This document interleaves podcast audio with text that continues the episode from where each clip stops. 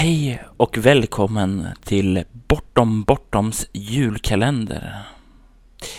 Idag är det den 18 december och bakom dagens lucka så hittar vi återigen ett berättelsefrö från John.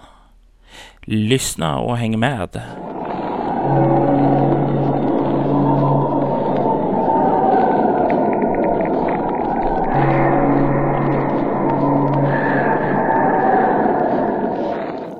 Välkommen till Bortom Bortoms julkalender 2012. Idag tänkte jag delge ett litet berättelsefrö som har legat och grott i mitt sinne en tid. Berättelsefröet går under arbetsnamnet Besatta julklappar och är inspirerad av sången The Twelve Days of Christmas. En ganska vanligt framförd engelsk julsång som framförts av väldigt många olika artister i väldigt många olika versioner i och med att låt, tit, låtens eh, i och med att låtens text kan ändras.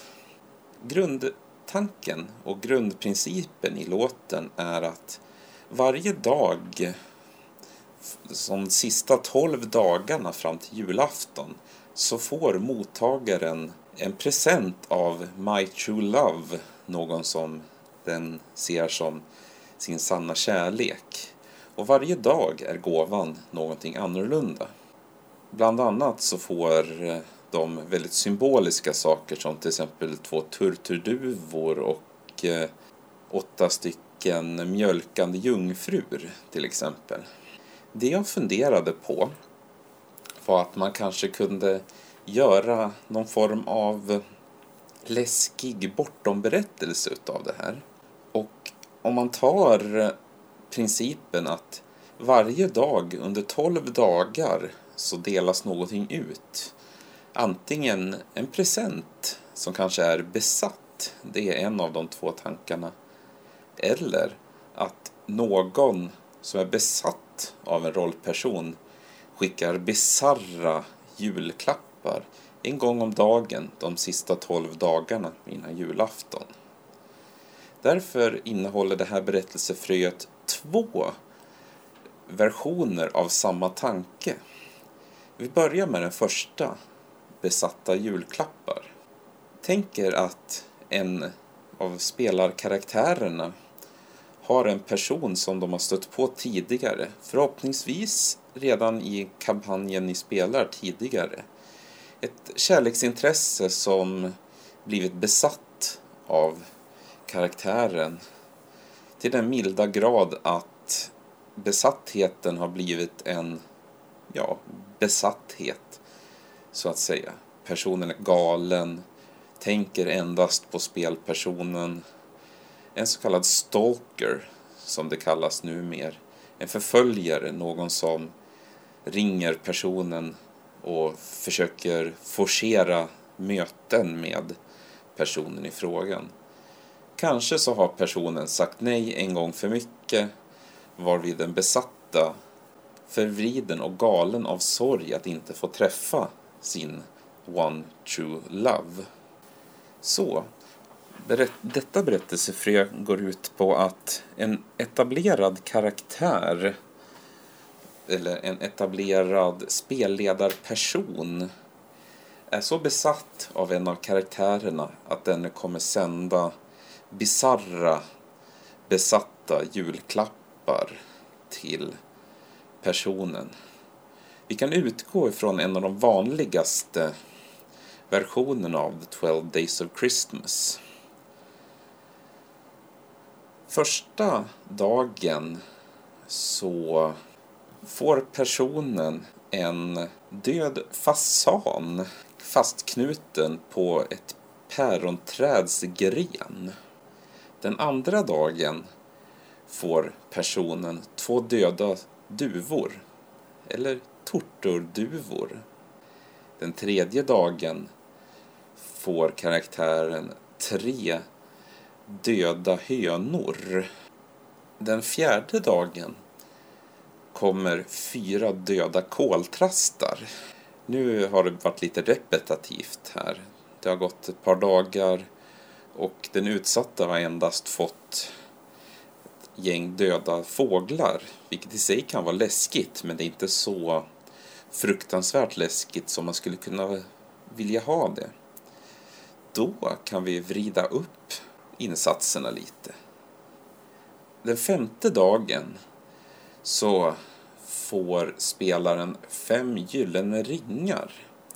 Detta kan man antingen se som att personen får tre ringar sända i ett paket. Eller om man vill vrida på det lite mer åt det, mot det vulgära och det äckliga hållet kan man tänka sig att spelaren får fem gyllene ringar som fortfarande sitter kvar på fingrarna från vilken förövaren klippt loss ringarna. Den sjätte dagen så ska karaktären få sex stycken eh, gäss som lägger ägg. Det kan ju vara någonting man kan vrida åt något håll. Att gässen kanske behöver lägga ägg när de får dem. Men att det kanske inte är ägg utan någonting annat. Vi låter det bizarra som läggs av de stackars gässen befinna sig kvar i spelledarens bizarra fantasi än så länge. Den sjunde dagen så ska det komma sju simmande svanar. Hur skulle man kunna göra det på ett bra sätt? Ja, som av en slump kanske spelaren befinner sig i närheten av ett vattendrag för att se någonting. Så ser spelaren sju svanar som knyts ihop med taggtråd som sänks ner i det iskalla vattnet. Och någon beger sig efter så sitter där en lapp som förkunnar förövarens kärlek till rollpersonen. Och det är nu som berättelsefröet börjar bli lite mer bisarrt. För den åttonde dagen så ska det komma åtta mjölkande jungfrur till spelaren. Det skulle kunna användas på det sättet att under natten så kidnappas åtta stycken unga jungfrur och tas till en bondgård där de tvingas mjölka kor tills dess att någonting händer. Kanske har förövaren planerat något så liknande öde för de som inte fortsätter med att mjölka sina kor.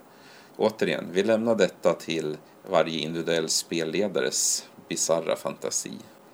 Den nionde dagen är det nio damer som kommer dansandes. Kanske är det nio kvinnor som varit på en dansklubb eller på en kurs för att lära sig någon form av dans som tillfångatagits i sina finaste danskläder och lämnas hemma hos karaktären. Döda eller levande eller på något annat sätt skändade. Den tionde dagen så ska det komma tio stycken herrar som kommer hoppandes. Detta skulle man återigen kunna göra till någon form av så-liknande plott. Kanske har tio stycken medlemmar i stadens styrelseråd kidnappats, tvingas hoppa över, ja, kanske någon form av fälla eller liknande.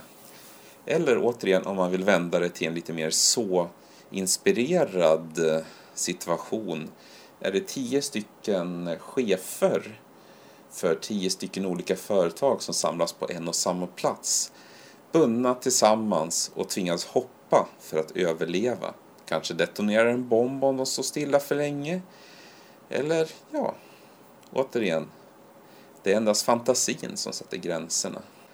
Den elfte dagen ska elva stycken pipspelare komma och spela.